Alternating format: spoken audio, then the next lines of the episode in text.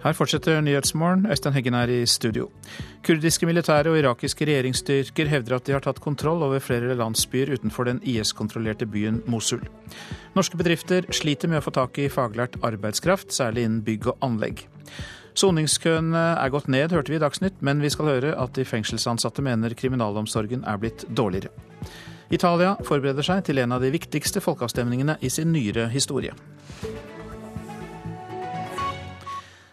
Den irakiske hæren og militsstyrker rykker nå fram fra sør og oppover mot Mosul langs hovedvei nummer én i Irak. Kurdiske og irakiske regjeringsstyrker hevder at de har tatt kontroll over flere landsbyer utenfor den IS-kontrollerte byen Mosul. Utenriksreporter Sigrun Slapgard, eh, si mer om hvordan framrykningen går. Ja, det er jo dag to med framrykking, og vi ser også bilder i morgentimene av stridsvogner i rask eh, framrykking. Soldater om bord som viser teiknet for eh, siger. Og eh, fra Pentagon blir det sagt at eh, dette går eh, langt før det planlagte skjemaet. Den kurdiske lederen Barzani var også um, ute og sa at dette har gått mye bedre enn planlagt. Det er jo første gang at kurdiske styrker er inne i samarbeid med irakiske i denne storoffensiven. Så eh, fremdeles eh, er de utenfor bysentrum, men det knytter seg da stor spenning til det som skal skje når de skal gå inn i byen. Eh, til nå er det visse mål der inne som blir bomba fra lufta. Det er jo gitt amerikansk flystøtte til angrepet. Franske fly er nå også involvert, så dette ser ut til å bli større og større. Det var den militære situasjonen, eh, Slapgard. Hva er da situasjonen for de sivile i byen? Det er stor uro eh, for det er mange sivile. Dette er jo en by på 1,5 million eh, innbyggere. Og mange er kvinner og barn som jo ikke har klart å, å, flykte. De har ingen plass å dra. Det er fra flere hjelpeorganisasjoner uttrykt stor uro. Det ser ut til at de fleste velger å vente og se. De har rett og slett ingen plass å dra. Og hjelpeapparatet er ennå ikke oppe å stå eh, i forhold til å kunne ta vare på, på de sivile. Takk for den oppdateringen eh, om Mosul, utenriksreporter Sigrun Slapgard. Hjem igjen til spørsmålet om fagarbeidere til bygg og anlegg, for det er det bedriftene sliter mest med å få tak i. Og slik har det vært de siste tre årene. Mange bedrifter jobber nå med å få flere ungdommer til å ta fagutdanning. 22 år gamle Lise Lotte Hauge er snekker på et av landets nye prestisjebygg, og hun er inspirert av faren sin, og han er eh, stolt. Nei, altså jeg tror han er veldig stolt, fordi når folk spør hva jeg driver med, da, så sier han kommer han alltid inn og bare ja, 'Går i pappa sine fotspor', sier han. Så jeg tror han er ganske stolt av det, altså. Så det er artig. Hun bygger det moderne Norge. Det nye folkebiblioteket i Oslo reiser seg ved siden av operaen. Og snekker Liselotte Hauge i Skanska gleder seg allerede til å vise det frem til sine. Ja, det, er, det, er, moro å få være med og bygge ting da, som folk setter pris på, og som du kan komme tilbake om 30 år og si at det har faktisk vært med bygd når du får egne barn og kan ta med de og si at ja, her har jeg vært og bygd. Det bygget her, da, som er midt i Oslo, som alle ser. Så det er veldig, veldig artig å være med på det, altså. Men det er for få som Liselotte. Manpowers globale undersøkelse av hvilke grupper arbeidsgiverne sliter med å få fatt i, viser at norske bedrifter sliter aller mest med å få tak i fagarbeidere, sier konsernsjef Målfrid Bratt.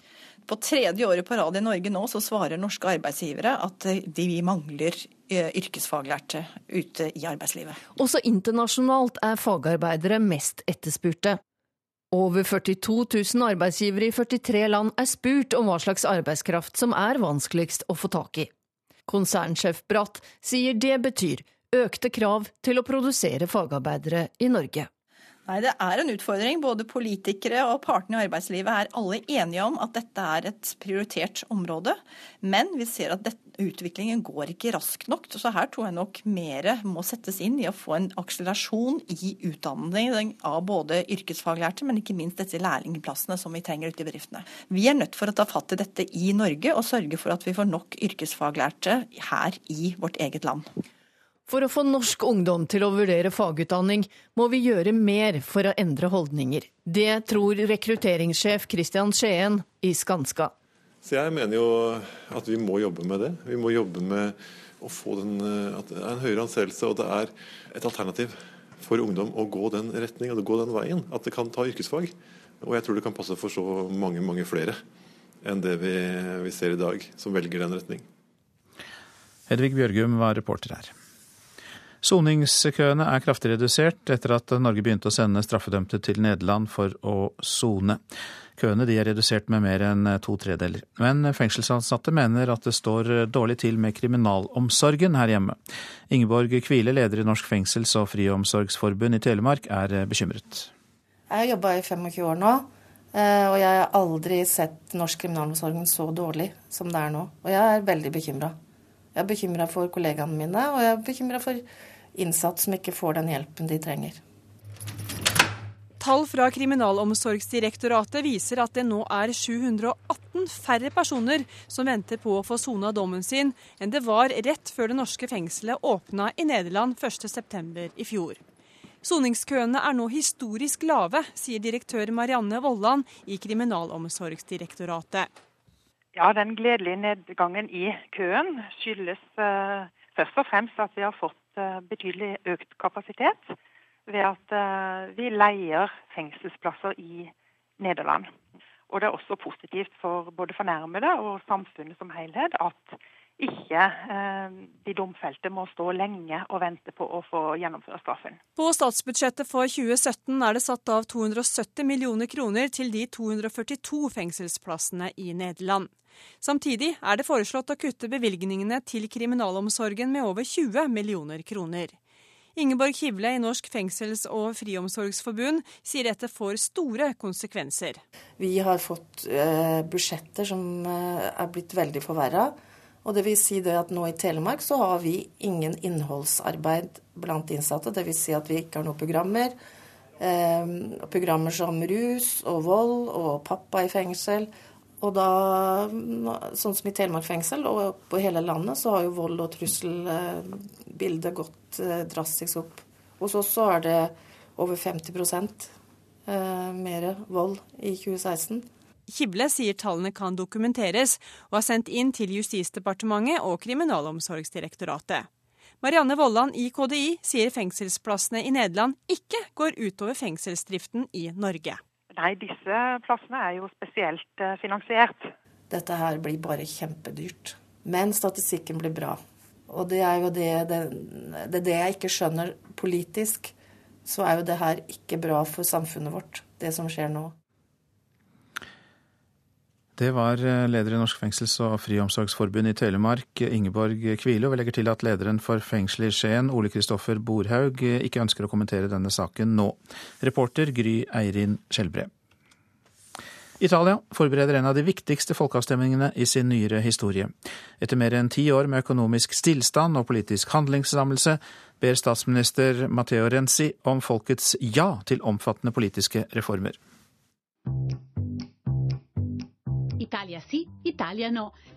Ja eller nei i det som er blitt kalt alle folkeavstemningers mor.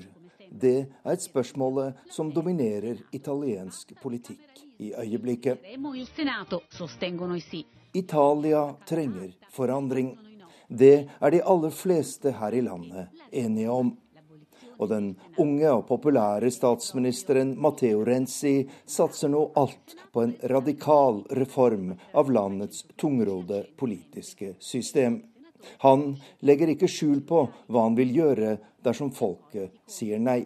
Nel caso in cui perdessi il referendum, considererei conclusa hvis vi taper folkeavstemningen, er min politiske karriere slutt, sier statsministeren i en tale i Senatet.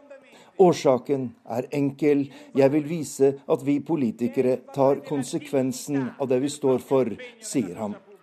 Dermed handler folkeavstemningen i desember ikke bare om en stor politisk reform, men også om faren for en akutt politisk krise, sier professoren og EU-eksperten Gianni Bonvicini. Verrà a mancare alla Germania, alla Francia Et nei i Italia vil frata de store EU-landene Tyskland og Frankrike en viktig støttespiller i en tid der unionens fremtid står på spill. Et slikt utfall vil være en seier for EU-skeptikerne både her i Italia og ellers i Europa. Og jeg frykter at det vil frata Italia en historisk mulighet til å løse landets grunnleggende politiske problemer, sier han. Medlemmer av det italienske overhuset, senatet, går amok under en debatt om den planlagte folkeavstemningen. De vil miste mye av sin makt dersom folket sier ja. I dag kan Overhuset stanse alle viktige reformer, og mange mener det er hovedgrunnen til at Italia fortsatt sliter med økonomisk stillstand, et håpløst tungrodd byråkrati og omfattende korrupsjon. L'obiettivo principale Målet med de foreslåtte reformene er å gjøre landets regjering i stand til å styre mer effektivt og å få gjennom viktige lovendringer mye raskere enn i dag, sier professor Gianni Bonvicini. Men mange tjener på dagens system og ønsker ingen endringer. Derfor er utfallet av denne historiske folkeavstemningen helt uvisst, sier professoren til NRK. Vår reporter i Roma, Arnt Stefansen. Avisene. Kina kan bli en like stor utfordring for Norge i nordområdene som Russland, sier den amerikanske forsvarseksperten Jack Midgley til Aftenposten. Han tror Kina jakter på kontroll over olje, gass og fiskeressurser i Arktis. Midgley var nylig i Norge og orienterte forsvarsledelsen. Jakob Skram er sjef for bensinstasjonskjeden Circle K i Europa, og hadde i fjor en inntekt på over 37 millioner kroner, skriver Finansavisen. Skram ble med da Circle K kjøpte opp Statoil-stasjonene, og har hatt glede av det canadiske selskapets insentivordning for ledere. Men sier at fjorårets utbetaling var ekstraordinær. I Norge spiser folk svin, drikker alkohol og viser ansiktet sitt, og arbeidsgiverne vil neppe ansette folk som, kan, som de ikke kan se hvem er, sier Sylvi Listhaug til Dagbladet. I dag inviterer hun til en nasjonal integreringskonferanse der budskapet fra henne er at innvandrerne må tilpasse seg samfunnet. Mange på skilandslaget droppet opplæring i antidoping, får vi vite i Adresseavisen. Det var sløvt av både oss og dem, sier landslagssjef Vidar Røfshus. Mange utøvere droppet ren utøverprogrammet i regi av Antidoping Norge. Etikk taper i kampen mot butikk. Det sier biolog Dag O. Hessen til Vårt Land. Danske og svenske kvinner som er gravide med tvillinger, kan dra til Norge for å fjerne et av fostrene. Nordmenn kan reise til utlandet for å kjøpe egg fra donorer eller skaffe seg en surrogatmor. Hessen mener vi senker vår moralske standard når vi tilbys tjenester i utlandet. Forsvarsforlik i tynn tråd. Dagsavisen har notert seg at sentrumspartiene er på pause i forhandlingene, som SV allerede har trukket seg fra. Kjernen i striden er investeringer i kampfly, overvåkningsfly og ubåter. Skattekutt er uten effekt, er oppslaget i Klassekampen. Ifølge statsbudsjettet skal skattekuttene ha en såkalt dynamisk effekt på 25% men statssekretær Jørgen Nesje sier til avisa at vi ikke kan være sikre på hvor stor den effekten er. Vil lage nordisk finansgigant, skriver Dagens Næringsliv, for Gjensidige er på partnerjakt. Det blir i så fall tredje forsøket, etter at det tidligere har vært fusjonssamtaler med Storebrand og det svenske selskapet Folksam. Troverdigheten til norske langrennsløpere kommer til å være på bunnen når verdenscupen starter i slutten av november, sier langrennsekspert Johanna Ojala i den svenske TV-kanalen SVT. Hun etterlyser større åpenhet rundt Therese Johaugs positive dopingprøve, og hun ber Norges Skiforbund om å legge alle kort på bordet. Jeg er helt knust. Uh vanvittig fortvila. Altså, det er jo så klart en skandal. Jeg har jobbet liksom ved siden av Eh, et av de mest profesjonelle landslagene som, som eksisterer. og At, at de begår et sånt her misstag, det er for meg ufattbart. Johanna Ojala er både trener og langrennskommentator, og kjenner miljøet svært godt. Hun er sjokkert over at uh, Norges to beste langrennsløpere har havnet i dopingsaker, begge to på kort tid. Ja, Dette er jo som en skrekkfilm for uh, norsk uh, langrenn. Det det. Ja, altså det her, de her to dopingsakene kommer jo å forfølge oss alle. Eh, ut, norska utövare primärt. Mm. Men även vi som, de som tittar på sporten och vi som jobbar med sporten. Och alltså vid varenda norsk seger så kommer ju oundvikligen de här tankarna, misstankarna om jaha, är det där, är det där rätt? Har det gått till på rätt sätt? Och jeg jag vill inte kollektivt bedöma, jag vill se eh, varje prestation för sig. Eh, men gemene man tror jeg kommer ha veldig lett til å ta til denne kollektive bestraffningen eller bedømningen. Johaya Ojala i eh, SVT der. Og saksbehandlingstiden er rundt to uker i denne saken. En oppdatering fra Antidoping Norge er ventet en av de første dagene. Den kan kanskje komme allerede i dag. Reporter Pål Thomassen. Klokka går mot 6.49. Dette er eh, hovedsaker. Kurdiske og irakiske regjeringsstyrker hevder at de har tatt kontroll over flere landsbyer utenfor den IS-kontrollerte byen Mosul.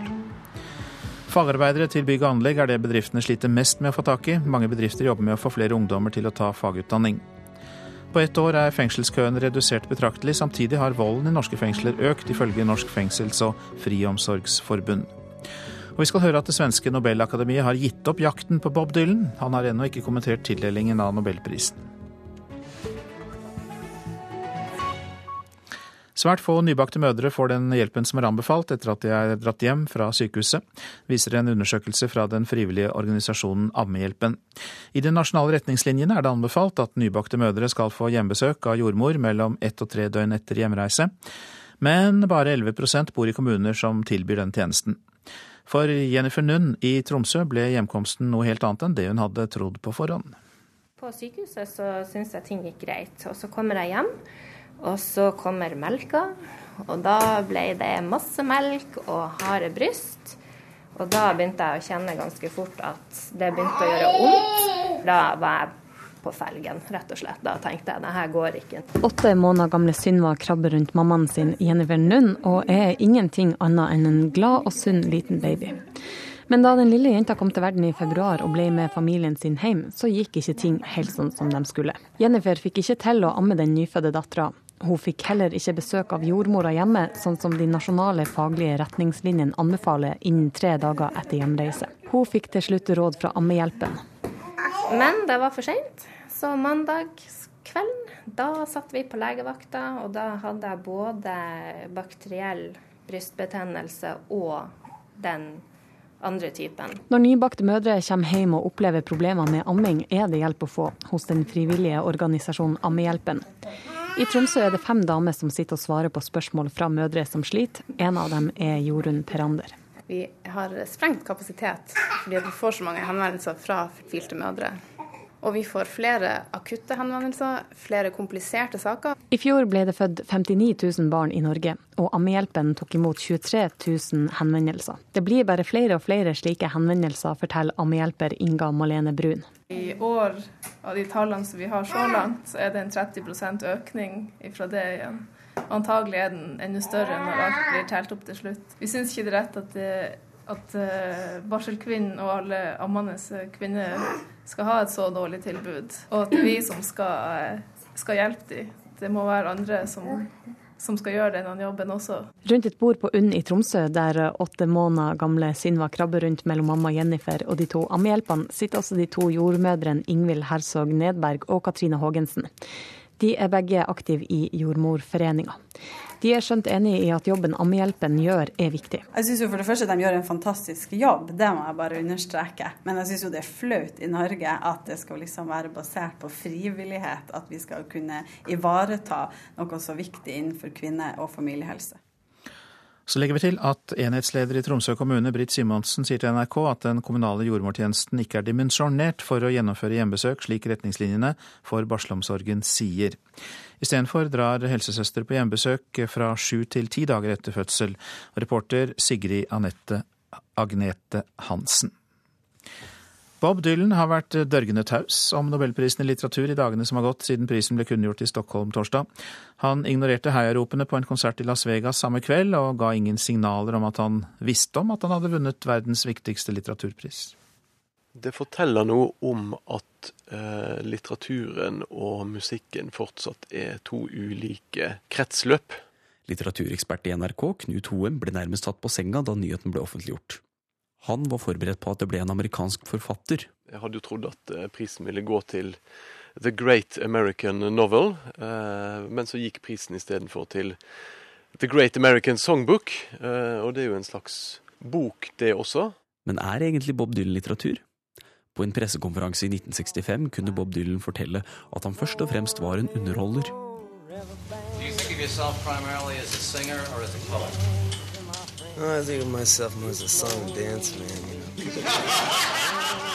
Nå har det gått nesten én uke, og det er ingen som har fått Bob Dylan i tale. Vet han egentlig at han har fått prisen? På hans egen hjemmeside er ikke prisen blitt nevnt med ett ord. Det har den heller ikke blitt på plateselskapets nettsider. Tolv timer etter at det ble offentliggjort at prisen skulle gå til Bob Dylan, sendte presseapparatet hans ut en kort tweet på hans offisielle Twitter-profil. Der sto det kun at Bob Dylan belønnes med nobelprisen i litteratur. Knut Hoem har sin egen teori om hvorfor Bob Dylan ikke uttaler seg.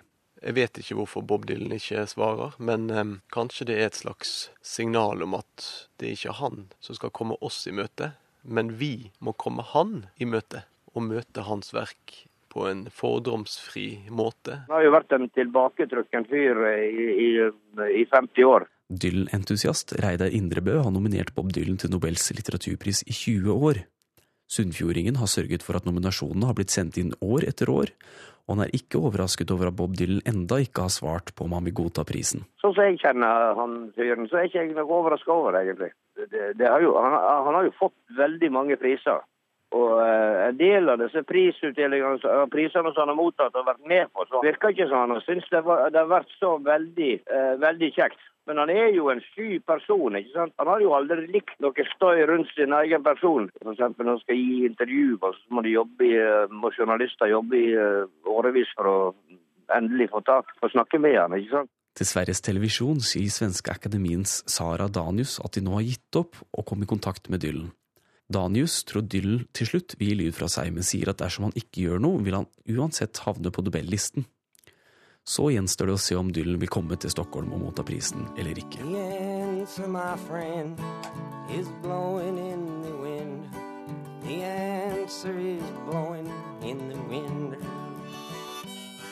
Ja, så får vi se når eh, de får tak i ham.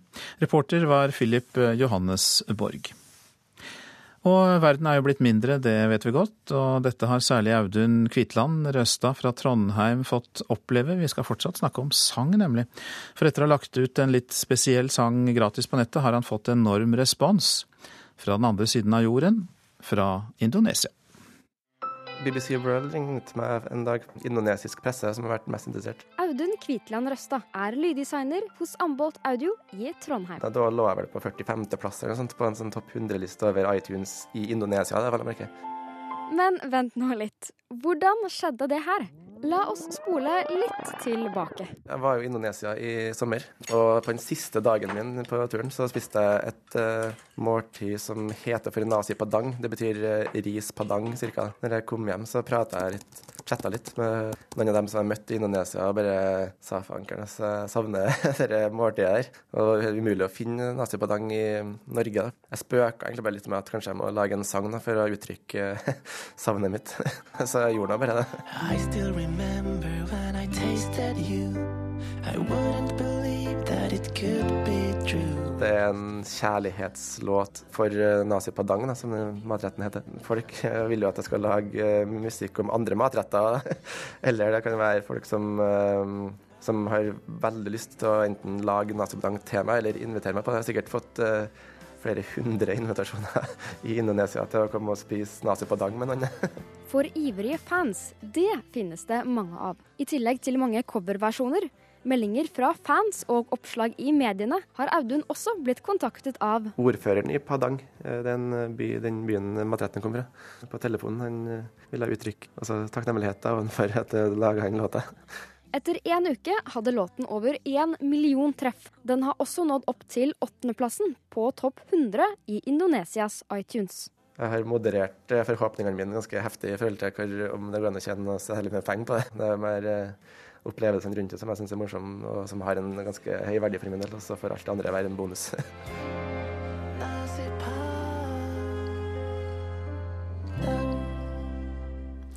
Ja, dette er hva dampet ris med kraftig karri og chili kan føre til.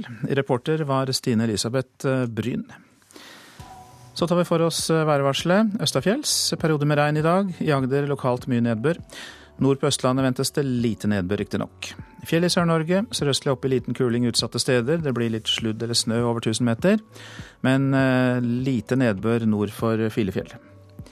Vestlandet sør for Stad. Skyet eller delvis skyet, enkelte regnbyger. Møre og Romsdal, Trøndelag og Nord-Norge ser vi samlet, og det blir mye pent vær i hele dette området, men noe mer skyet i indre strøk. Så går vi ut til havet til Spitsbergen. Sørvestlig liten kuling utsatte steder. Litt regn av og til, vesentlig da nord for Longyearbyen. Og så er det ikke slett ikke alle temperaturer vi har fått inn i dag, men vi tar de vi har. Temperaturer målt klokka fem. Svalbard lufthavn tre grader, Kirkenes minus én. Vardø og Alta har vi ikke, men Tromsø-Langnes med pluss én. Bodø har vi ikke, men Brønnøysund med åtte, Trondheim seks, Molde ni. Bergen-Flesland tolv. Stavanger har vi ikke fått inn, men Kristiansand-Kjevik på ti. Gardermoen seks, Lillehammer fem, Røros eh, fire. Oslo-Blindern fikk vi heller ikke inn, men eh, vi gikk ut og sjekket, og det er eh, åtte grader.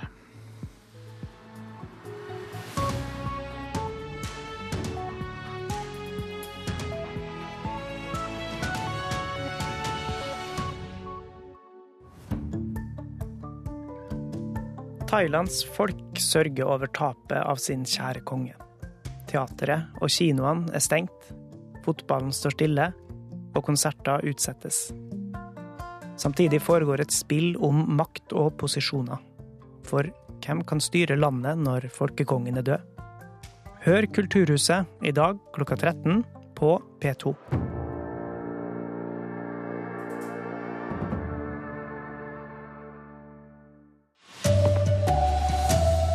Gjenerobringen av Mosul ligger foran skjema, ifølge Forsvarsdepartementet i USA. Og norske bedrifter sliter med å få tak i faglært arbeidskraft. Her er NRK Dagsnytt klokken er sju. Kurdiske og irakiske regjeringsstyrker hevder at de har tatt kontroll over flere landsbyer utenfor den IS-kontrollerte byen Mosul. Mosul er den nest største byen i Irak. Ekstremistgruppen IS har hatt kontroll der i over to år. Nå har den irakiske regjeringshæren innledet en stor militæroperasjon for å gjenerobre byen, med støtte fra en rekke minoritetsbaserte militsgrupper.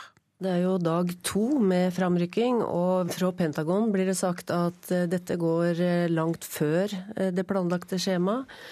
Den kurdiske lederen Barzani var også mm, ute og sa at dette har gått mye bedre enn planlagt. Det er jo første gang at kurdiske styrker er inne i samarbeid med irakiske i denne storoffensiven.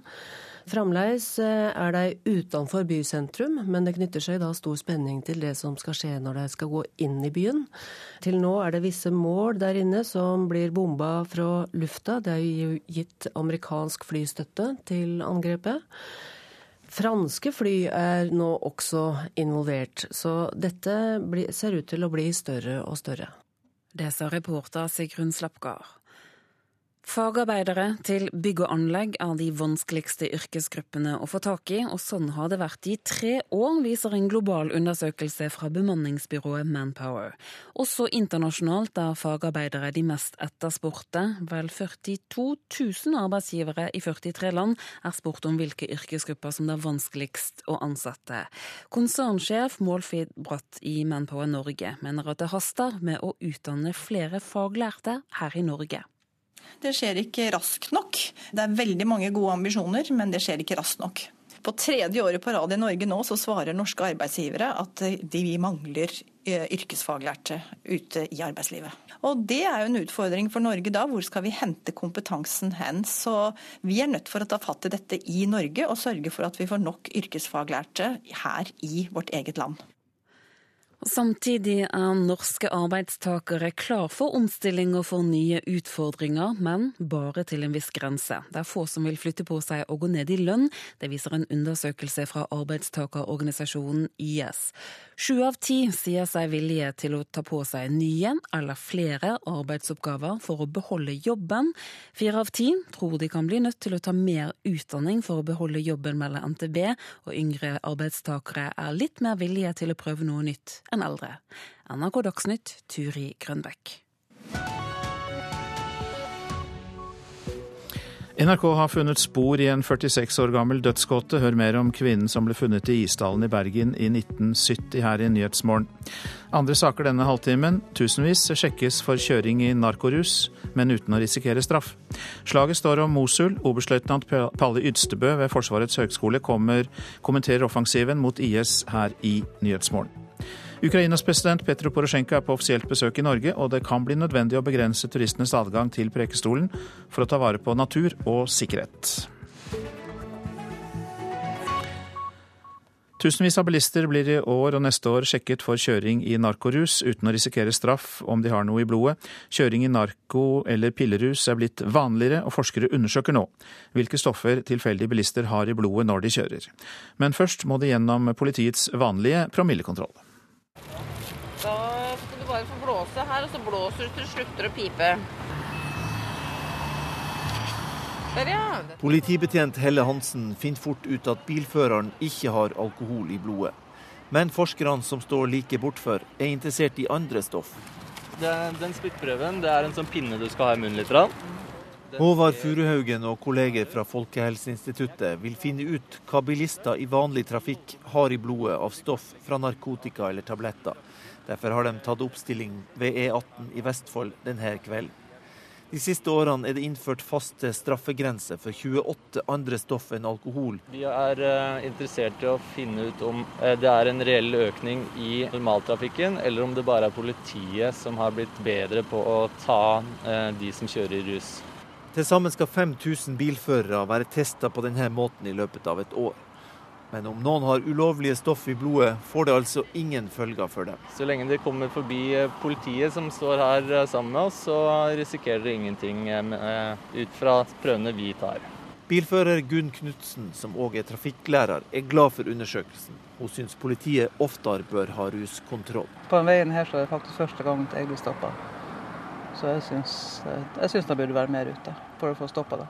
Politibetjent Helle Hansen sier at mange av oss ikke er nok bevisste på vanlige medisiner. Folk er litt sånn slappe kanskje med å tenke på at det er rød trekant på medisiner, og det blir en vane å ta ting, så setter seg litt oftere bak rattet enn hva den burde ha gjort. Vi holder på med en studie nå hvor vi kartlegger bruk av rusmidler. Folkehelseinstituttets Håvard Furuhaugen sier at de er på jakt etter svært mange forskjellige forbudte stoff. Men de vanligste narkotiske stoffene vi har som vi tester for, er vel amfetaminer og cannabis, opiater og såkalte benzodiazepiner. Det er nå flere bilførere som kjører påvirka av narkotika enn av alkohol. Og Politibetjent Bjørn Arvidsson sier utrykningspolitiet er blitt mer obs på det. Men da må vi rett og slett se på tegn på atferd, snakking, øyne. For dere tar flere i narkotikapåvirkning nå enn tidligere? Ja, vi gjør det. Og det er færre med alkoholpåvirkning, faktisk. Det er jo bra at det er færre som kjører med alkohol i, i blodet, men så er det jo innmari dumt at det er mange som eh, tar i, får, får i seg andre ting som eh, er like, minst like farlig. Og reporter ute på veiene hos UP var Kjartan Røslett. Og sjefen for utrykningspolitiet er her. Runar Karlsen, velkommen. Takk for det. Hvor vanlig er da kjøring i rusa tilstand, hvis du skal oppsummere det dere vet så langt? Det er altfor vanlig. Vi regner med at det er ca. hver 100 kjøretøy eller hver 100 sjåfør som er, som er rusa over lovlighetsgrensa på 0102. Så en 120 000-30 000 ruskjøringer hver eneste dag. Vil du fortsatt si at det er den tradisjonelle promillekjøringen som er det, mest, det man ser mest av, eller har andre stoffer tatt over, som vi hørte her? Det er begge deler. Det er, det er, veldig viktig for oss å forebygge den vanlige promillekjøringen, som du sier, med promille med alkohol. Den er den farligste. Men utviklingen er nok slik at det er flere som kjører med narkotikarus og medikamentrus enn en alkoholrus. Så det er viktig å, å forebygge og avdekke begge disse forholdene. Hva tror du er grunnen til det? Det er veldig mange av de vi eh, stopper på veien eh, som blåser positivt, som har et eh, rusproblem. Dessverre. Det er, det er ikke normalsjåføren som kjører ruset. Det er, det er, også det at man har festkjøring og har personer som kjører rusa i helgene og slike ting. Men det store antallet av ruspåvirkede kjørere har et rusproblem, og mange av de har også, er kjent av politiet fra før. og Som driver annen type kriminalitet, kjører uten førerkort. Øh, og har kan si, forhold på, på narkotikakriminalitet øh, osv. Det er liksom den typen av føre som vi først og fremst støter på når vi får positivt utslag. Mm. Dere samarbeider altså, som vi hørte, med Folkehelseinstituttet om undersøkelsen. og Er det da greit at man i denne undersøkelsen lar øh, sjåførene kjøre videre og ikke risikere straff, selv om det er funnet forbudte stoff? Ja, altså det er, det er ikke helt slik. Vi har jo en ruskontroll hvor vi eh, gjennomfører alkotest. Alle blåser, slik at vi får helt avklart om det er alkoholpromille. Er det også mistanke om annen type rus, så følger vi det opp med våre instrumenter med drøgtest osv. Og, så og da blir det straffesaker. Klarerer vi vedkommende, så, så, går den til neste stasjon, og det er Folkehelseinstituttet som gjør en veldig viktig jobb for å kartlegge eh, mønsteret, om det er endringer i, i kjøremønsteret for ruspåvirket kjøring. Og vi kartlegger først og fremst hvordan det står til om natten. For det er ikke gjort en systematisk undersøkelse om ruspåvirket kjøring om natten. Det gjør vi dette året. Eh, så hva kan sjåførene vente seg, da? For dette vil jo noen oppleve at de blir stoppet av dere og sjekket, og så er det videre til en stasjon der folk fra Folkehelseinstituttet er? Ja, de vil oppleve en helt normal politikontroll, hvor de gjennomfører en alkotest og eventuelt går til en, en spytteprøve på drøgtest. Eh, og så blir de spurt om de kan være med på en undersøkelse. og Det er neste stasjon, og der står Folkehelsa og gjør sin undersøkelse, sitt intervju og, og sine tester. Og, og, da, og, vi er veldig spent på resultatet av de testene, de 5000 førerne, eh, blir ferdig, for å se hvordan det ligger an. For er, kunnskap er viktig for hvordan vi skal innrette innsatsen for å bli enda mer effektivt enn vi er i dag. Ja, altså Hvor og når dere skal uh, teste? Ja, no, Hvilken andel av rus som folk kjører med, når er det det kjøres i rus, hvor kjøres det i rus osv. osv. Kunnskap er helt avhengig av for å gjøre en god politiinnsats på veiene. Takk for at du kom, Runar Karlsen, som altså er sjef for UP. Nå om uh, Isdalskvinnen. NRK har funnet nye spor i en 46 år gammel uløst sak. I 1970 ble en kvinne funnet død i Isdalen i Bergen, men ingen uh, vet hvem hun var. Sporene fra den ukjente kvinnen har ligget urørt i en kjeller under Haukeland sykehus i mange år.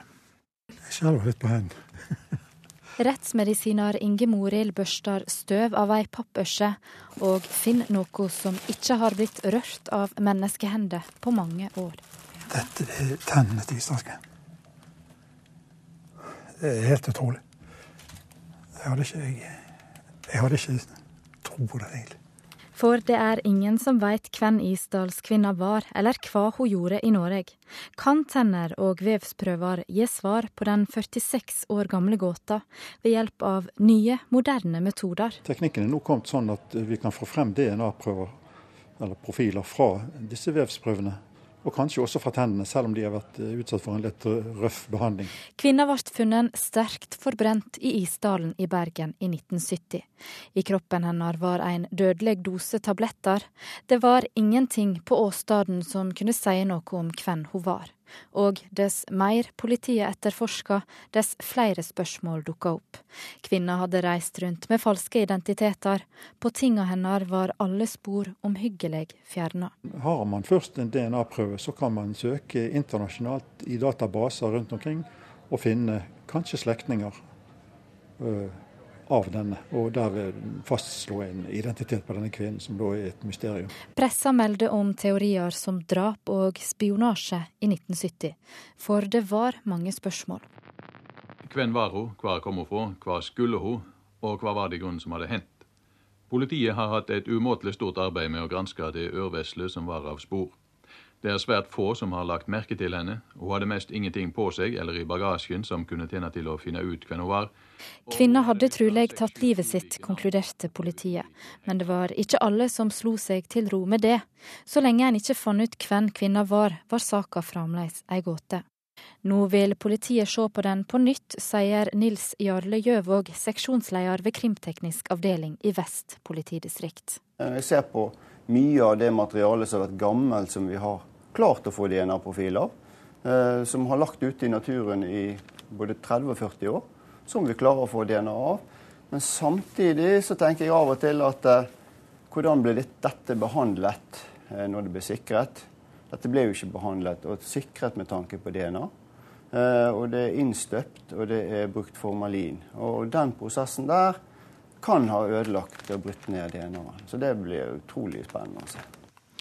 Reporter Eirin Årdal, og med bidrag fra resten av NRKs undersøkende nettredaksjon.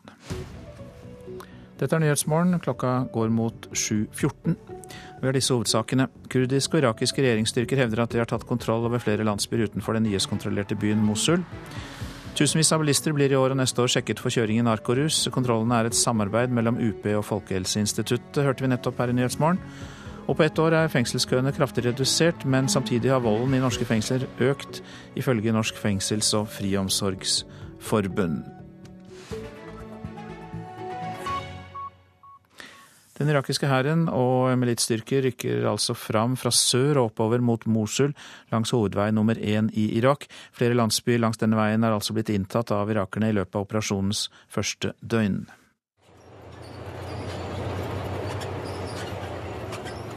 Lyden av stridsvogner i framrykking. Fra fem kanter kommer de rullende og nærmer seg bysentrum. Visse mål der inne i bygatene blir bomba fra lufta. Nå er også franske fly i aktivitet.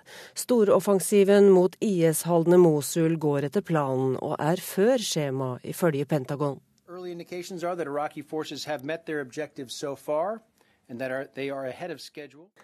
Irakiske styrker har nådd sine mål, sier Pentagon-talsmann Peter Cook, som også sier at amerikanske rådgivere holder seg i bakgrunnen, de skal ikke være i spiss når styrkene går inn i byen. Og mens stridsvogner dundrer framover med soldater som viser fingertegnene for siger, er det økende uro for de mange sivile inne i byen. De vet ikke hvor de skal dra, og venter i det lengste med å flykte, forteller Sarah Case fra International Rescue Committee. Uh, people are not yet fleeing. What we expect is that as the offensive gets closer and closer, up to 200,000 people will flee the next few weeks. Så mange som 200 000 er venta å ta til flukta, i verste fall kan det bli nærmere millionen. Ingen veit ennå hvor hard kampen om bykjerna kan bli. IS er fra før kjent for å ha festa sprengstoff til hus før de gir fra seg byer, slik de gjorde bl.a. i totalødelagte Ramadi. Utenriksreporter Sigrun Slapgard. Og korrespondent Kristin Solberg, du er i Irak. Oppdater oss på det som har skjedd i natt. Ja, I natt så har irakske styrker og de kurdiske peshmerga-styrkene rykket videre mot Mosul fra sør og øst. Fra nord så holder de foreløpig frontlinjene stabile, men også der er det planlagt at de skal rykke fram mot Mosul eh, veldig snart. De er ennå et stykke unna byen. Eh, nærmest så er de i øst. Der går frontlinjen nå ved Kaser, som er omtrent 30 km øst, eh, øst eh, for Mosul. Og der er der er styrkene i ferd med å gjenerobre landsbyer som er befolket av, av kristne og jesidier. Møter de mye motstand? Så langt har de møtt noe motstand, eh, men kanskje ikke like mye som forventet. Det er jo slik at eh, IS har lagt ut eh, miner og også eksplosiver i hus i landsbyer de har hatt under kontroll, slik at de må rykke ganske sakte fremover. Men likevel så sier en talsmann for Pentagon altså at, at de irakske styrkene er, er foran planen nå som offensiven går inn i sin, sitt andre døgn. Men det er ennå for tidlig å si om det vil fortsette slik, for det er eh, altså et stykke igjen til Mosul. Det kan ta flere uker før man når dit. Og kampene der eh, no, kommer nok til å være de aller, eh, aller hardeste. For det er der eh, det er den byen IS absolutt ikke vil miste kontroll over. Hva er de endelige målene for offensiven? Ja, målen, Målet nå er jo å omringe Mosul fra tre fronter, før man da går inn i bykjernen og gjenerobrer eh, byen. Og Iraks, sta, Iraks statsminister Haider al-Abadi han har lovet at eh, Mosul skal være gjenerobret innen nyttår. Det gjenstår å se om det eh, blir tilfellet, for dette kan bli en langvarig affære. Mosul er en tettbefolket by. Det gjør at det kan ta tid. Styrkene kan f.eks. ikke belage seg på mange luftangrep, men kan komme til å måtte erobre byen med kamper på nært hold, nærmest gate for gate. Og Det er jo spesielt ille for sivile i området. Takk skal du ha, korrespondent Kristin Solberg, som rapporterte fra Irak. Palle Ydstebø, god morgen til deg. God morgen, ja. Du er oberstløytnant ved Forsvarets uh, høgskole. Kan du tegne det militære bildet, hvordan det ser ut rundt Mosul nå?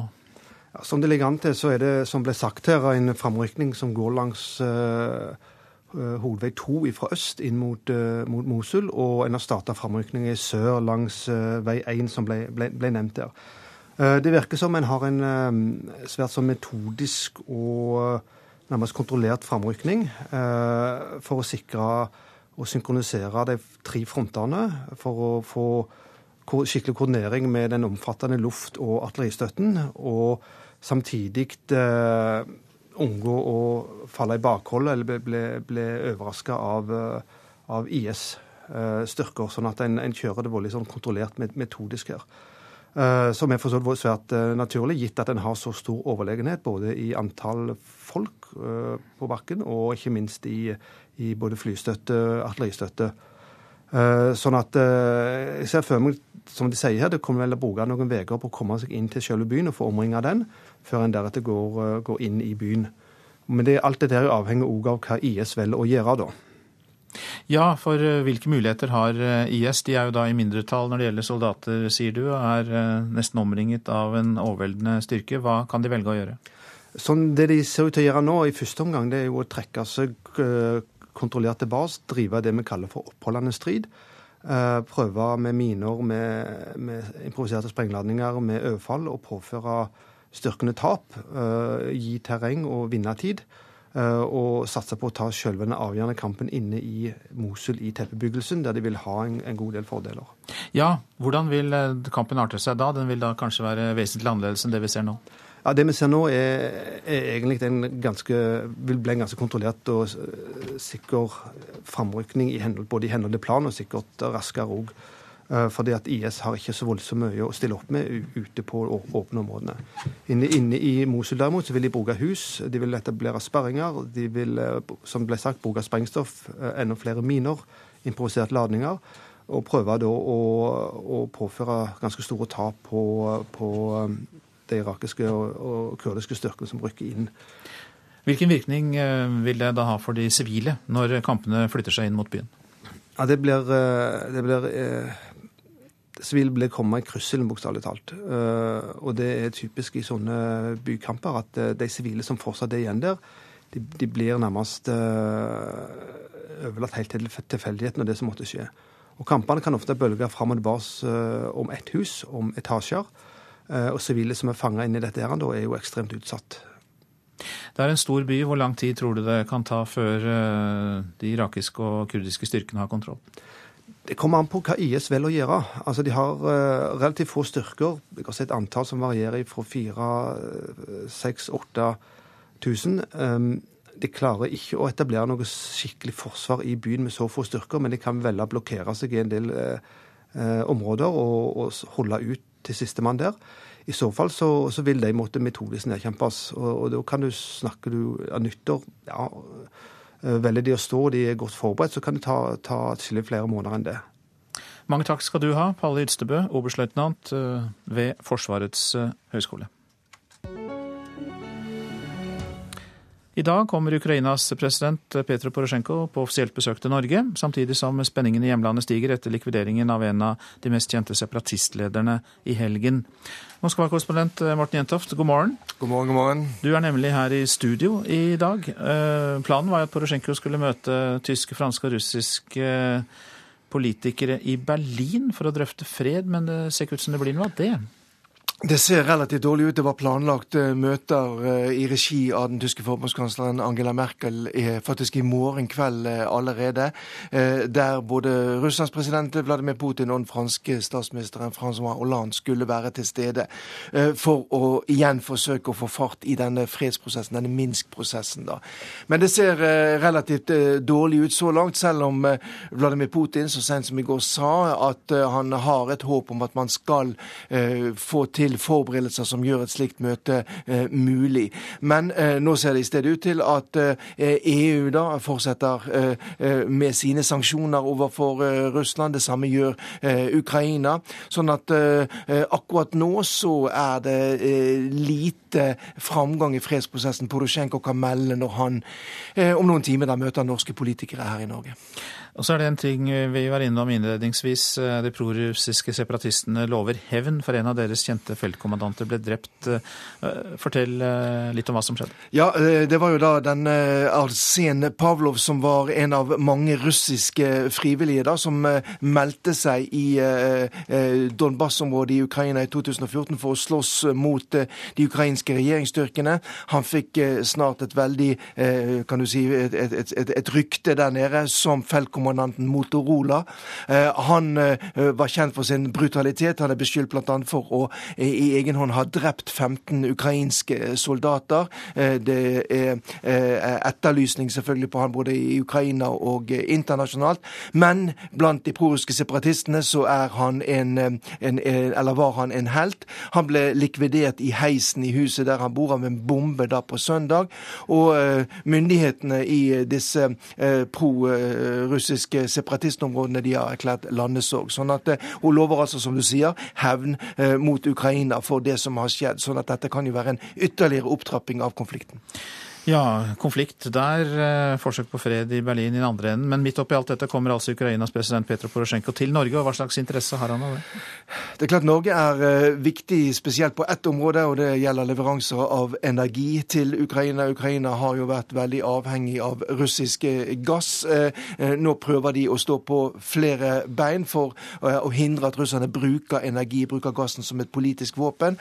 Og via det europeiske nettverket så har man kjøpt for til tilbud om å kjøpe norsk gass. Det at man har norsk gass, norsk energi i bakhånd, det gjør selvfølgelig forhandlingsposisjonen sterkere overfor Russland. Så det er nok noe av det viktigste som skal diskuteres her i Norge i dag. Det er energisikkerhet. Og i tillegg til det så vet vi jo at det er mange norske firmaer eh, etter at det er innført restriksjoner overfor Russland, som lukter på det ukrainske markedet. Men mange er jo redd for den omfattende korrupsjonen som fremdeles Ukraina slåss med. Og Vi kommer til å ha gleden av å høre mer fra deg i løpet av dagen. Morten Jentoft, du er nemlig her i Oslo for å følge besøket. Takk skal du ha. Så var det noen ord om det avisen er opptatt av. Kina kan bli en like stor utfordring for Norge i nordområdene som Russland, sier den amerikanske forsvarseksperten Jack Midgley til Aftenposten. Han tror Kina jakter på kontroll over olje, gass og fiskeressurser i Arktis. Midgley var nylig i Norge og orienterte forsvarsledelsen. Jakob eh, Skram er sjef for bensinstasjonskjeden Circle K i Europa, og hadde i fjor en inntekt på over 37 millioner kroner, skriver Finansavisen. Skram ble med da Circle K kjøpte opp Statoil-stasjonene, og har hatt glede av den canadiske insentivordningen som selskapet har for sine ledere, men sier at fjorårets utbetaling var ekstraordinær. I Norge spiser folk svin, drikker alkohol og viser ansiktet sitt, og arbeidsgiverne vil neppe ansette mennesker de ikke kan se hvem er. Det sier Sylvi Listhaug til Dagbladet. I dag inviterer hun til en nasjonal integreringskonferanse, der budskapet fra henne er at innvandrerne må tilpasse seg samfunnet. Mange på skilandslaget droppet opplæring i antidoping, får vi vite i Adresseavisen. Det var sløvt av både oss og dem, sier landslagssjef Vidar Løfshus. Mange utøvere droppet ren utøverprogrammet i regi av Antidoping Norge. Etikk taper i kampen mot butikk, sier biolog Dag O. Hessen til Vårt Land. Danske og svenske kvinner som er gravide med tvillinger, kan dra til Norge for å fjerne et av fostrene. Nordmenn kan reise til utlandet for å kjøpe egg fra donorer eller skaffe seg surrogatmor. Hessen mener at vi senker vår moralske standard når vi tilbys tjenester i utlandet. Forsvarsforliket er i tynn tråd. Dagsavisen har notert seg at sentrumspartiene er på pause i forhandlingene, som SV allerede har trukket seg fra. Kjernen i striden er investeringer i kampfly, overvåkningsfly og ubåter. Skattekutt er uten effekt, er oppslaget i Klassekampen. Ifølge statsbudsjettet skal skattekuttene ha en såkalt dynamisk effekt på 25% men statssekretær Jørgen Nesje sier til avisa at vi ikke kan være sikre på hvor stor den effekten er vil lage nordisk finansgigant, skriver Dagens Næringsliv, for Gjensidige er på partnerjakt. Det blir i så fall tredje forsøket, etter at det tidligere har vært fusjonssamtaler med Storebrand og svenske Folksam. Det kan bli nødvendig å begrense turiststrømmen til Prekestolen i Ryfylke Rogaland for å ta vare på sikkerheten og naturen. Det mener Fellesorganisasjonen Norsk Friluftsliv. Utspillet vekker motstand blant de som jobber med turistmagneten i Lysefjorden. Hver mann som betalte, ga jeg beskjed at det er farlig i fjellet. Det er ingenting her å gjøre uten gode sko og uten gode klær.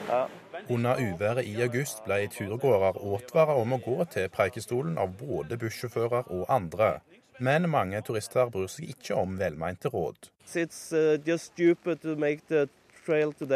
Nå skal tryggleiken til de hundretusenvis av Preikestol-turistene bli løfta fram på et stort beredskapsmøte neste uke.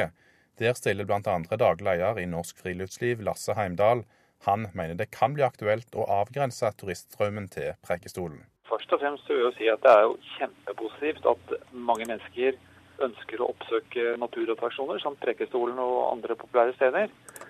Da må vi også samtidig sørge for at naturen er ivaretatt, og at sikkerheten er ivaretatt på en trygg måte.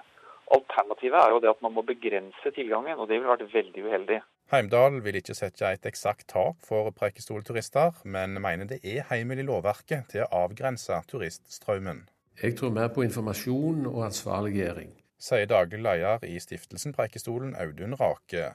Han mener det ikke er nødvendig å avgrense Preikestol-turismen. De er jo kommet her fra hele verden, og vi har reist langt. Og så skal vi stå der og si nei. Det er ikke noen hyggelig og ikke noen god situasjon for oss. Reporter Magnus Stokka, og vi nevner at du lytter til Nyhetsmorgen. Produsent i dag Katrine Nybø. Her i studio Øystein Heggen.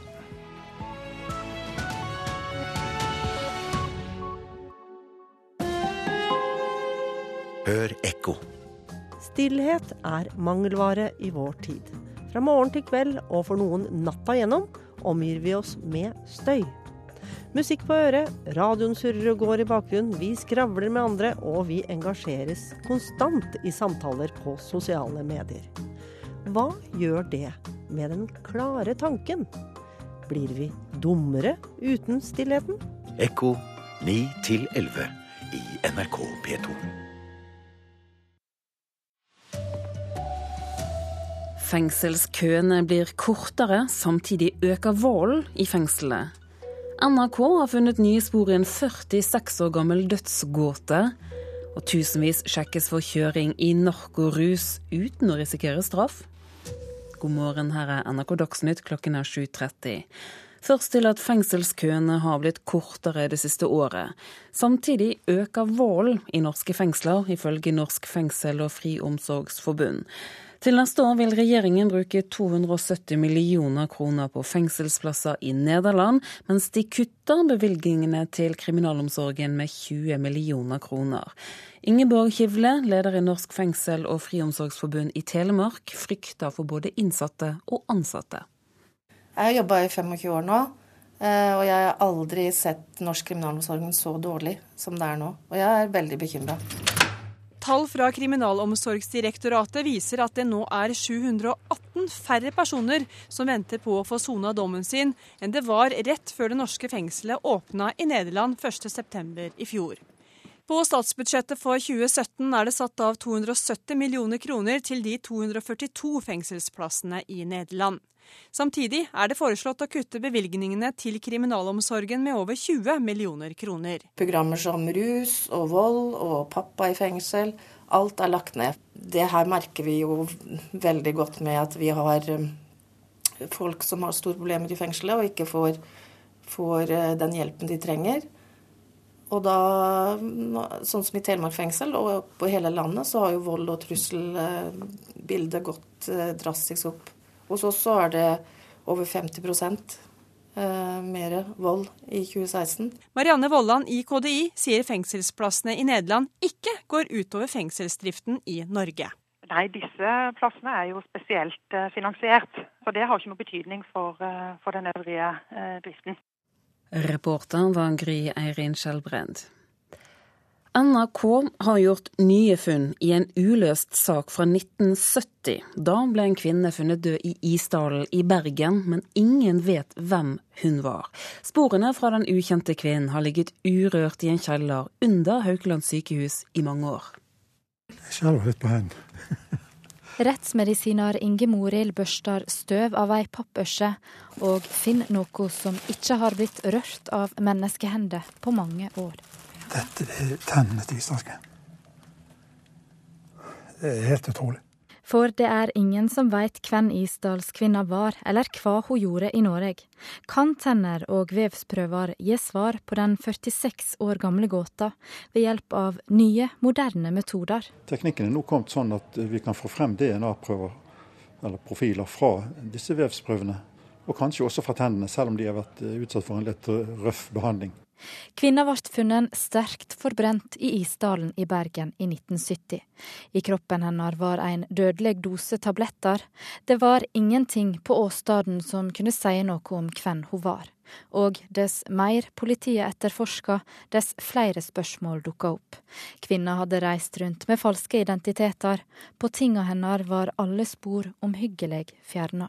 Har man først en DNA-prøve, så kan man søke internasjonalt i databaser rundt omkring og finne kanskje slektninger av denne, og der fastslå en identitet på denne kvinnen, som da er et mysterium. Pressa meldte om teorier som drap og spionasje i 1970. Kvinna hadde trolig tatt livet sitt, konkluderte politiet. Men det var ikke alle som slo seg til ro med det. Så lenge en ikke fant ut hvem kvinna var, var saka fremdeles ei gåte. Nå vil politiet se på den på nytt, sier Nils Jarle Gjøvåg, seksjonsleder ved krimteknisk avdeling i Vest politidistrikt. Dette ble jo ikke behandlet og sikret med tanke på DNA. Og det er innstøpt, og det er brukt formalin. Og den prosessen der kan ha ødelagt og brutt ned DNA-en. Så det blir utrolig spennende å se.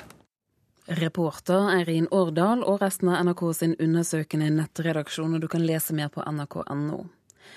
Så skal vi til Irak, der hæren og militsstyrker rykker frem mot Mosul. Målet er å ta tilbake den IS-kontrollerte byen. Og korrespondent Kristin Solberg, du er i Irak. Hva har skjedd i natt? Ja, I natt så har irakske styrker og de kurdiske peshmerga-styrkene rykket videre mot Mosul, hovedsakelig fra sør og øst. Og I øst så har de nå kommet nærmest Mosul. Der er de nå i et område som heter Kaser, som er omtrent 30 km fra Iraks nest største by. Der er de i ferd med å erobre et knippe, landsbyer som er befolket av kristne og jesidier. Og de har så langt gjenerobret tre landsbyer. Og Foreløpig så går offensiven etter planen. I hvert fall er det det amerikanerne sier. Pentagon, det amerikanske forsvarsdepartementet, sier at eh, irakske styrker at de er foran planen når, når offensiven går inn i sitt andre døgn. Men det er ennå for tidlig å si om det vil fortsette slik. For det er ennå som sagt et stykke igjen til Mosul, og det er i Mosul at IS er ventet å yte aller mest motstand. Og Hvordan går det med sivilbefolkningen der? Ja, mange sitter fast inne i Mosul. Vi har jo sett at IS har forhindret folk i å forlate byen. Og de har også lagt ut miner rundt byen, slik at det er farlig uh, å dra. Og det er en prekær situasjon for uh, mange sivile. Det er omtrent halvannen millioner av dem inne i byen. Og det er ventet harde kamper når uh, irakske styrker når, når, byen. De sivile tapene kan, kan derfor bli høye. Og dessuten så kan vi komme til å se en humanitær katastrofe når kampene starter inn i Mosul og folk kan flykte, så er det ventet at så mange som en million mennesker kan komme til å bli drevet på flukt. Kristin Solberg med oss fra Irak, takk skal du ha. Alle partene i borgerkrigen i Jemen godtar nå en våpenhvile fra natt til torsdag, sier FNs spesialutsending. Houthi-militsen tok kontroll over hovedstaden Sana for to år siden. Minst 9000 mennesker er drept, 2,4 millioner personer er drevet på flukt i konflikten. Tusenvis av bilister blir sjekket for kjøring i narkorus, uten å risikere straff dersom de har noe i blodet. Kjøring i narko- eller pillerus er blitt vanligere, og forskere undersøker nå hvilke stoffer tilfeldige bilister har i blodet når de kjører. Men først må de gjennom politiets vanlige promillekontroll. Så blåser du til det slutter å pipe.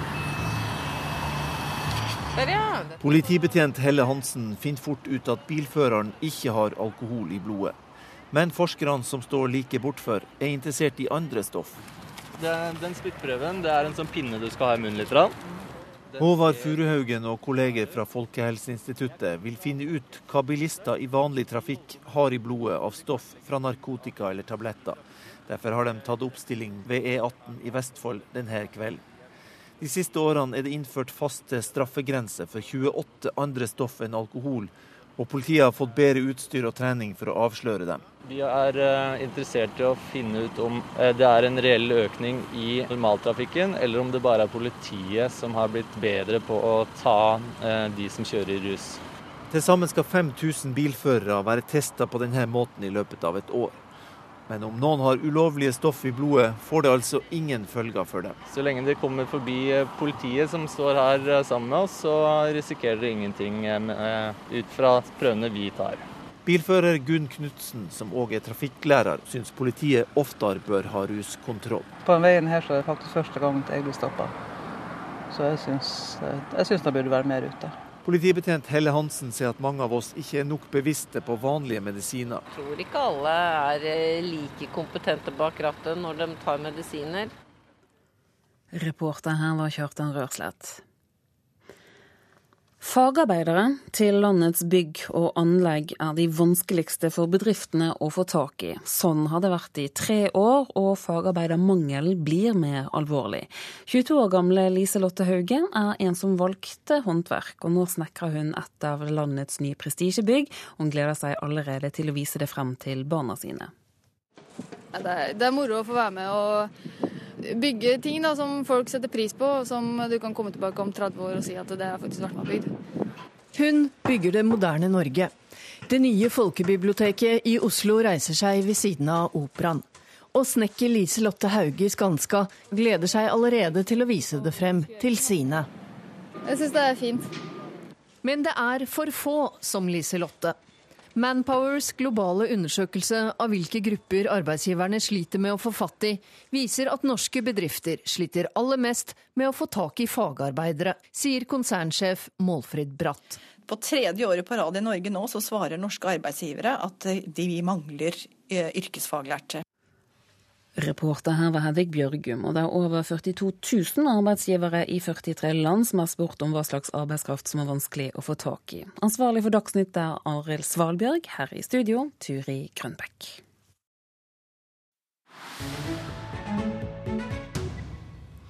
Her i Nyhetsmorgen skal vi høre om en av Tyrkias største minoriteter, den muslimske sekten alevittene.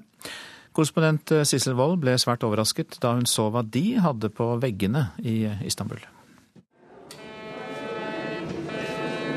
Alle må gjennom metalldetektoren før vi trer inn i alevittenes borg i Istanbul.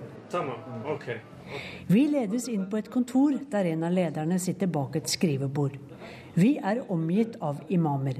Fra veggene ser de på oss. Hussein, Ali og Hassan og andre. Flere kvinner kommer inn med matvarer som de vil ha velsignet. Mannen bak bordet, kledt i mørke, moderne klær, lukker øynene, mumler en bønn på noen minutter, mens han holder fast på emballasjen til bakeingrediensene. Mitt navn er Hussein Özgöz, sier en vennlig mann i grå stripete skjorte, et trendy rødt slips og mørk dressjakke. Jeg er det her, leder, og jeg er en direkte etterkommer av profeten Mohammed og hans fetter og svigersønn Ali, forklarer han. Helt siden slaget ved Karbala i år 680 har de undertrykket oss.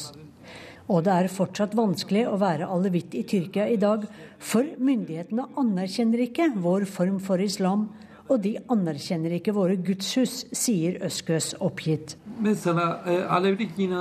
Men vi betaler skatten vår, og vi vil gjerne ha statsstøtte og bli anerkjent, sier alevittlederen.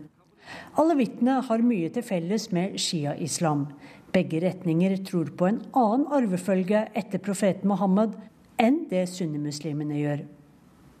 I Tyrkia teller alevittene rundt 15% av befolkningen. Noe som har opprørt dem denne sommeren, er navnet på en ny bro. Tusenvis av røde ballonger fylte himmelen da den tredje broen over Bosporosstredet, Yavuz Sultan Selims bro, ble innviet av president Erdogan i august.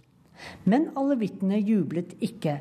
For dem er sultan Selim en ond mann. At broen ble oppkalt etter en sultan som drepte mellom 60 og 70 000 alevitter, ja, det var som å gi oss et dolkestøt i hjertet. Hussein Øskøs rister på hodet. Vi kommer inn i en stor sal som i en moské. På veggen ser de tolv imamene på oss, og Øskøs ramser opp rekkefølgen. Imam Ali, Imam Hassan, Imam Hussein. I islam er det forbudt å portrettere hellige menn, så hvordan er det mulig her? Disse portrettene er malt av ikke-muslimer, forklarer Hussein Øskøs. Og de er gjengivelser. De har samme funksjon som kristne ikoner og setter folk i en spesiell stemning. Vår vert låser oss inn i et gedigent møterom. Øskøs stanser ved et stort maleri. To hellige menn står omringet av skyer. Blikkene deres er festet på noe langt borte, som mot evigheten. Det er profeten Mohammed, sier Øskes og peker. Dette er et that was for, forbidden. Men er ikke det strengt forbudt å male portrett av ham? Øynene hans ser mot himmelen, mot Gud. Så lenge det er gjort på den måten, er det greit, mener han. Men er det ikke farlig å vise bilder av profeten, spør jeg. Under normale omstendigheter blir det oppfattet som farlig, ja. Men dette bildet er laget av en student fra Iran som har tillatelse til å male portretter av profeten etter konsultasjoner med eksperter. Forklarer Hussein Øskus. Dette er hovedsaker i Nyhetsmorgen. Kurdiske og irakiske regjeringsstyrker hevder at de har tatt kontroll over flere landsbyer utenfor den IS-kontrollerte byen Mosul. På ett år er fengselskøene redusert betraktelig. Samtidig har volden i norske fengsler økt, ifølge Norsk fengsel- og friomsorgsforbund. Tusenvis av bilister blir i år og neste år sjekket for kjøring i narkorus. Kontrollene er et samarbeid mellom UP og Folkehelseinstituttet. NRK har gjort nye funn i en uløst sak fra 1970. Da ble en kvinne funnet død i Isdalen i Bergen, men ingen vet hvem hun var. Sporene fra den ukjente kvinnen har ligget urørt i en kjeller under Haukeland sykehus i mange år. Lilla Sølesvik er programleder for Politisk kvarter nå.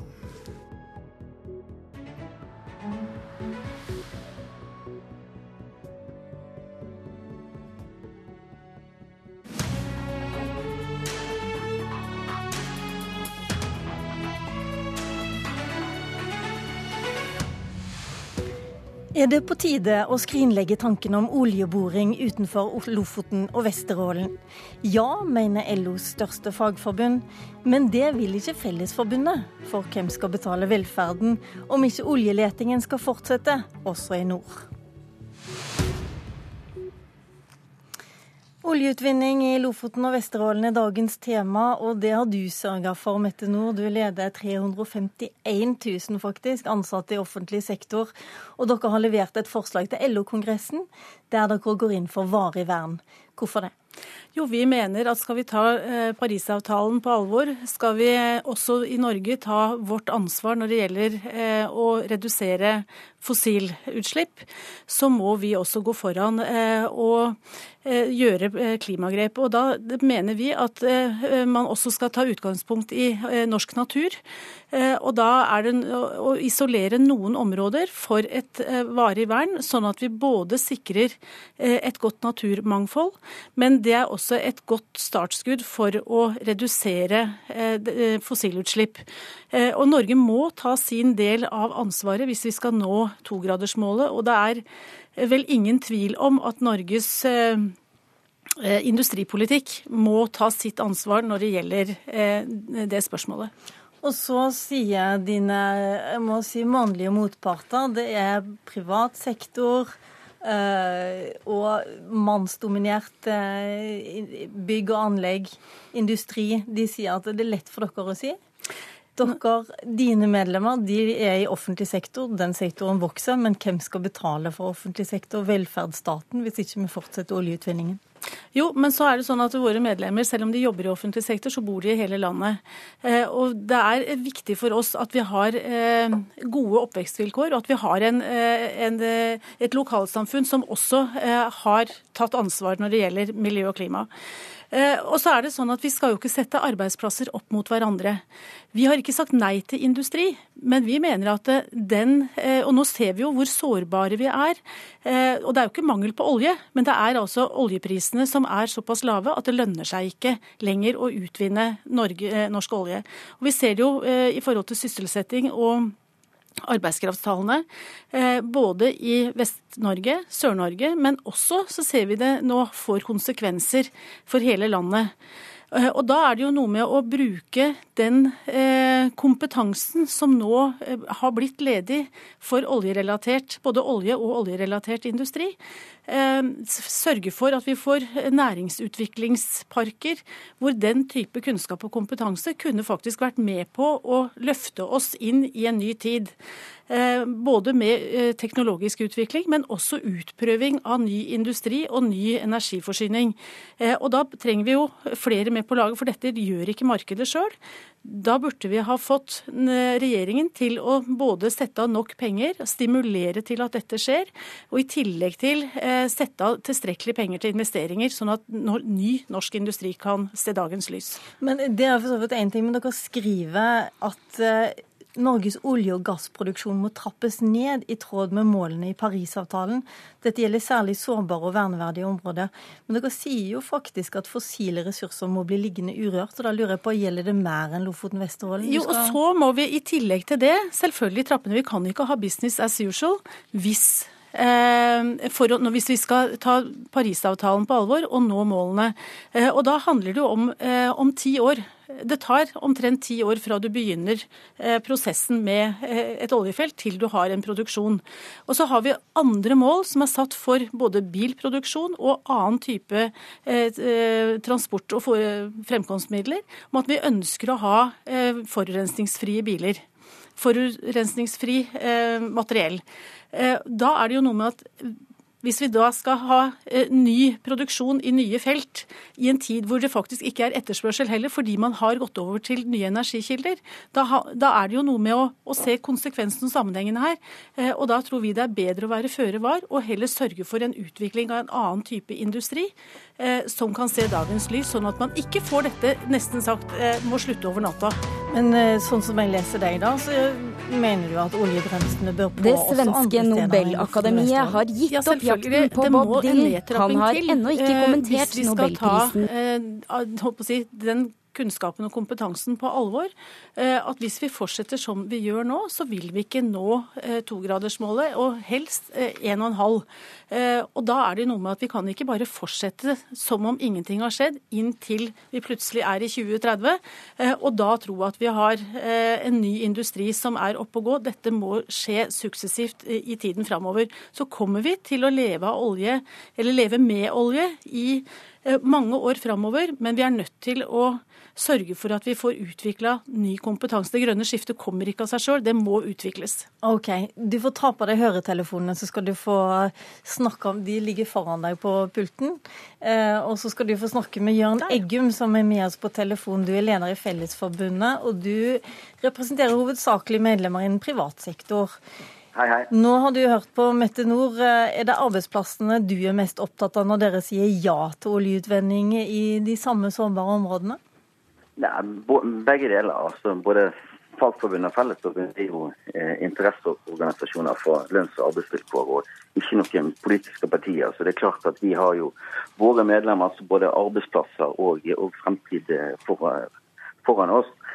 Men eh, jeg vil jo si at det er ganske, det er ganske korttenkt hvis vi skal, skal kjøre eh, det som Mette sier. For hvis vi skal ta utenom eh, Lofoten, Vesterålen og Senja, så vil vi ikke kunne klare det som er vedtatt i Stortinget hvis vi skal kutte dette innen ti år. For Da har ikke vi startet på andre fase av Johan Sverdrup, som vi allerede har besluttet i fremtiden. Og Da vil vi ligge igjen alt, Halvparten av det som vi skulle tatt opp, vil ligge igjen i bakken hvis ikke vi skal ha investering. Men Kanskje du også svarer da på hvordan skal målene fra Parisavtalen nås om man skal utvinne hver eneste oljedråpe i havet? Nei, nå har nå ikke Fellesforbundet gått for at vi skal utvinne hver eneste oljedråpe i havet. Men hvis vi skulle ha tatt det utgangspunktet, så ville det vært mer miljøvennlig å gjort det i Norge. I forhold til det som ville vært, vært utslipp verden over. For vi har en veldig god produksjon, og vi har en veldig miljøvennlig produksjon. Akkurat det mener jeg har sett et Brennpunkt-program som tilbakeviste ganske ettertrykkelig. Ja, og så vil jeg si det... Saudi-Arabia har to felt som er mer eh, CO2-effektive, eller så mye som forurenser mindre. Hva er konklusjonen der?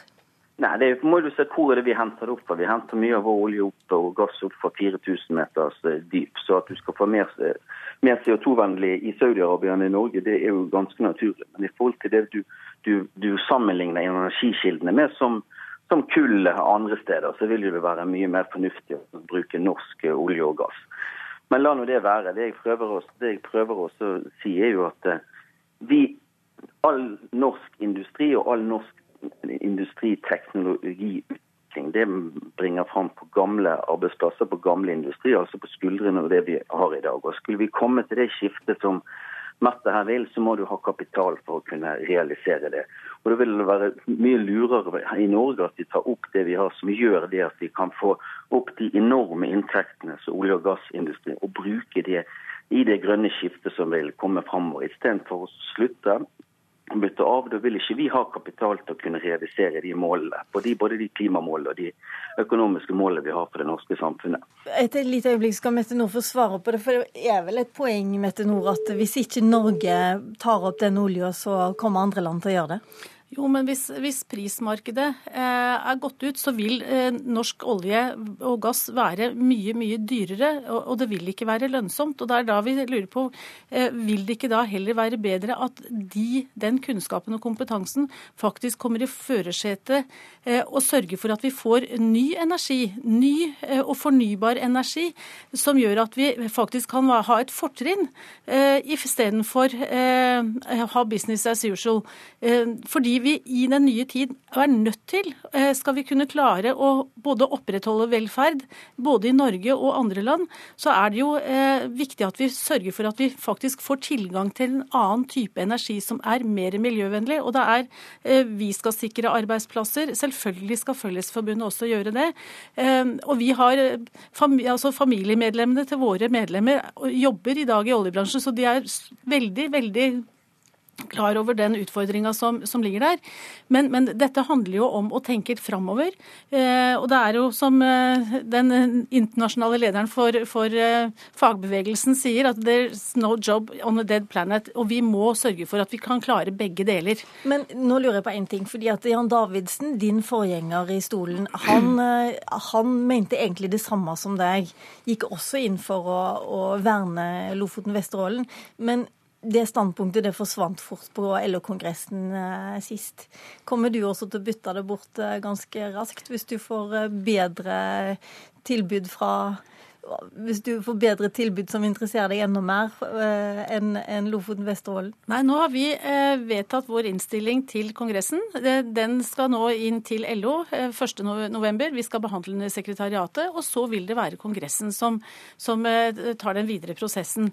Sånn at jeg vil ikke varsle nå at vi bytter bort noe som helst. Dette er de vedtak som Fagforbundet har gjort på sin, sitt landsstyremøte. Men ser du for deg at det kan bli noe kompromiss i LO om denne saken? Det er viktig at LO kommer ut med en politikk som det er bred enighet om. Eh, sånn at vi går inn eh, for å selvfølgelig sikre våre standpunkter. Men det er viktig, som jeg sier, at vi får med alle forbund eh, så bredt som mulig på viktige spørsmål. Og okay. der tror jeg jeg må stoppe. Mm. Og Jørn Eggum får vi ikke hørt om den saken, for han forsvant dessverre på telefonen. Men takk skal du ha, Mette Nord. Takk også til Jørn Eggum. Politisk kommentator Magnus Takvam eh, her i NRK. Hvor overraskende er det at Fagforbundet kommer med dette synspunktet nå? Eh, det er ikke overraskende at Fagforbundet mener dette i utgangspunktet. Men det som skaper reaksjoner i både Fellesforbundet og Industri Energi, som har sine medlemmer i denne bransjen, er liksom den skal vi si, aktivistiske måten de oppfatter at Fagforbundet går ut på, og liksom fronter det veldig. Siden Fagforbundet, som dere har vært inne på, tross alt ikke har sin medlemsmasse i, i denne bransjen. Så eh, det er noe av bakteppet. Men Fagforbundet er størst. De har 350 000 medlemmer mot eh, hva er det, 900 000 som LO har. Eh, er LO i bevegelse? Altså, Både i LO og ellers i samfunnet er det jo debatt om Lofoten-Vesterålen. Og det vi hørte eksempler på her, var jo en, en, vanlig politisk debatt der standpunktene er kjente fra det miljøbevegelsen og miljøpartiene har mot Arbeiderpartiet og Høyres argumenter. Men Eh, en LO-kongress som går mot konsekvensutredning av Lofoten-Vesterålen, vil være uakseptabel for forbundet Industri, Energi og Fellesforbundet. Da, for å si det litt på spissen, melder de seg ut av LO. slik at eh, kjøttvekta teller så mye at jeg er overbevist om at LO-kongressen kommer ikke til å komme ut med et standpunkt som sier nei til å, å låse døra for en aktivitet i dette området. AUF-leder Mani Hussaini han jubla over Fagforbundets vedtak, for i AUF så har de gjort vern av Lofoten-Vesterålen til en hovedsak. Men det er jo sånn at de tre største partiene her i landet de er også veldig enige om at det er på tide med oljeutvinning i Lofoten og Vesterålen. Vi kan høre litt her. Fremskrittspartiet har sagt at vi etter 2017 vil konsekvensutrede Lofoten og Vesterålen. Vi mener at det er rom og muligheter fremover. Dette er et ønske om at vi fortsatt skal ha en god olje- og gassvirksomhet i Norge. Der har vi en program i denne perioden som jeg som partileder står opp for. og det er At vi eh, åpner for konsekvensutredning. Det er et landsmøte i april 2017 som kommer helt sikkert til denne saken til debatt. Eh, og Den debatten kommer jeg til å delta i, og jeg kommer til å la den gå. og Jeg har ikke til hensikt å flagge syn på det nå. Ja, Støre var litt mer åpen enn en statsministeren og Siv Jensen. Tolker du at han er på glid? Kan han være på glid? Altså Støre må balansere i en så skal vi si, betent sak. Det er sterke fronter. Eh, personlig kan det godt hende at Jonas Gahr Støre ikke har noe imot en, en, å, å stenge Lofoten og Vesterålen, men han må ha partiet med seg. og min vurdering, altså For det første så har Arbeiderpartiet mye større intern debatt enn de to andre, Høyre og Frp. og Derfor så må han balansere dette. Men jeg mener fremdeles at det mest sannsynlige er at uh, Arbeiderpartiet vil lande på dagens politikk. Det er i hvert fall det sentralstyret så langt har gått inn for i programprosessen. Og fortsatt så er det sånn at småpartiene stopper all oljeutvinning i Lofoten Vesterålen?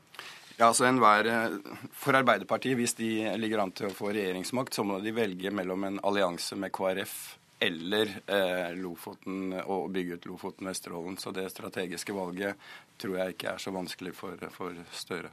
Hjertelig takk skal du ha, Magnus Takvam. I studio under Politisk kvarter i dag satt Lilla Sølhusvik. Hør oss igjen i morgen til samme tid.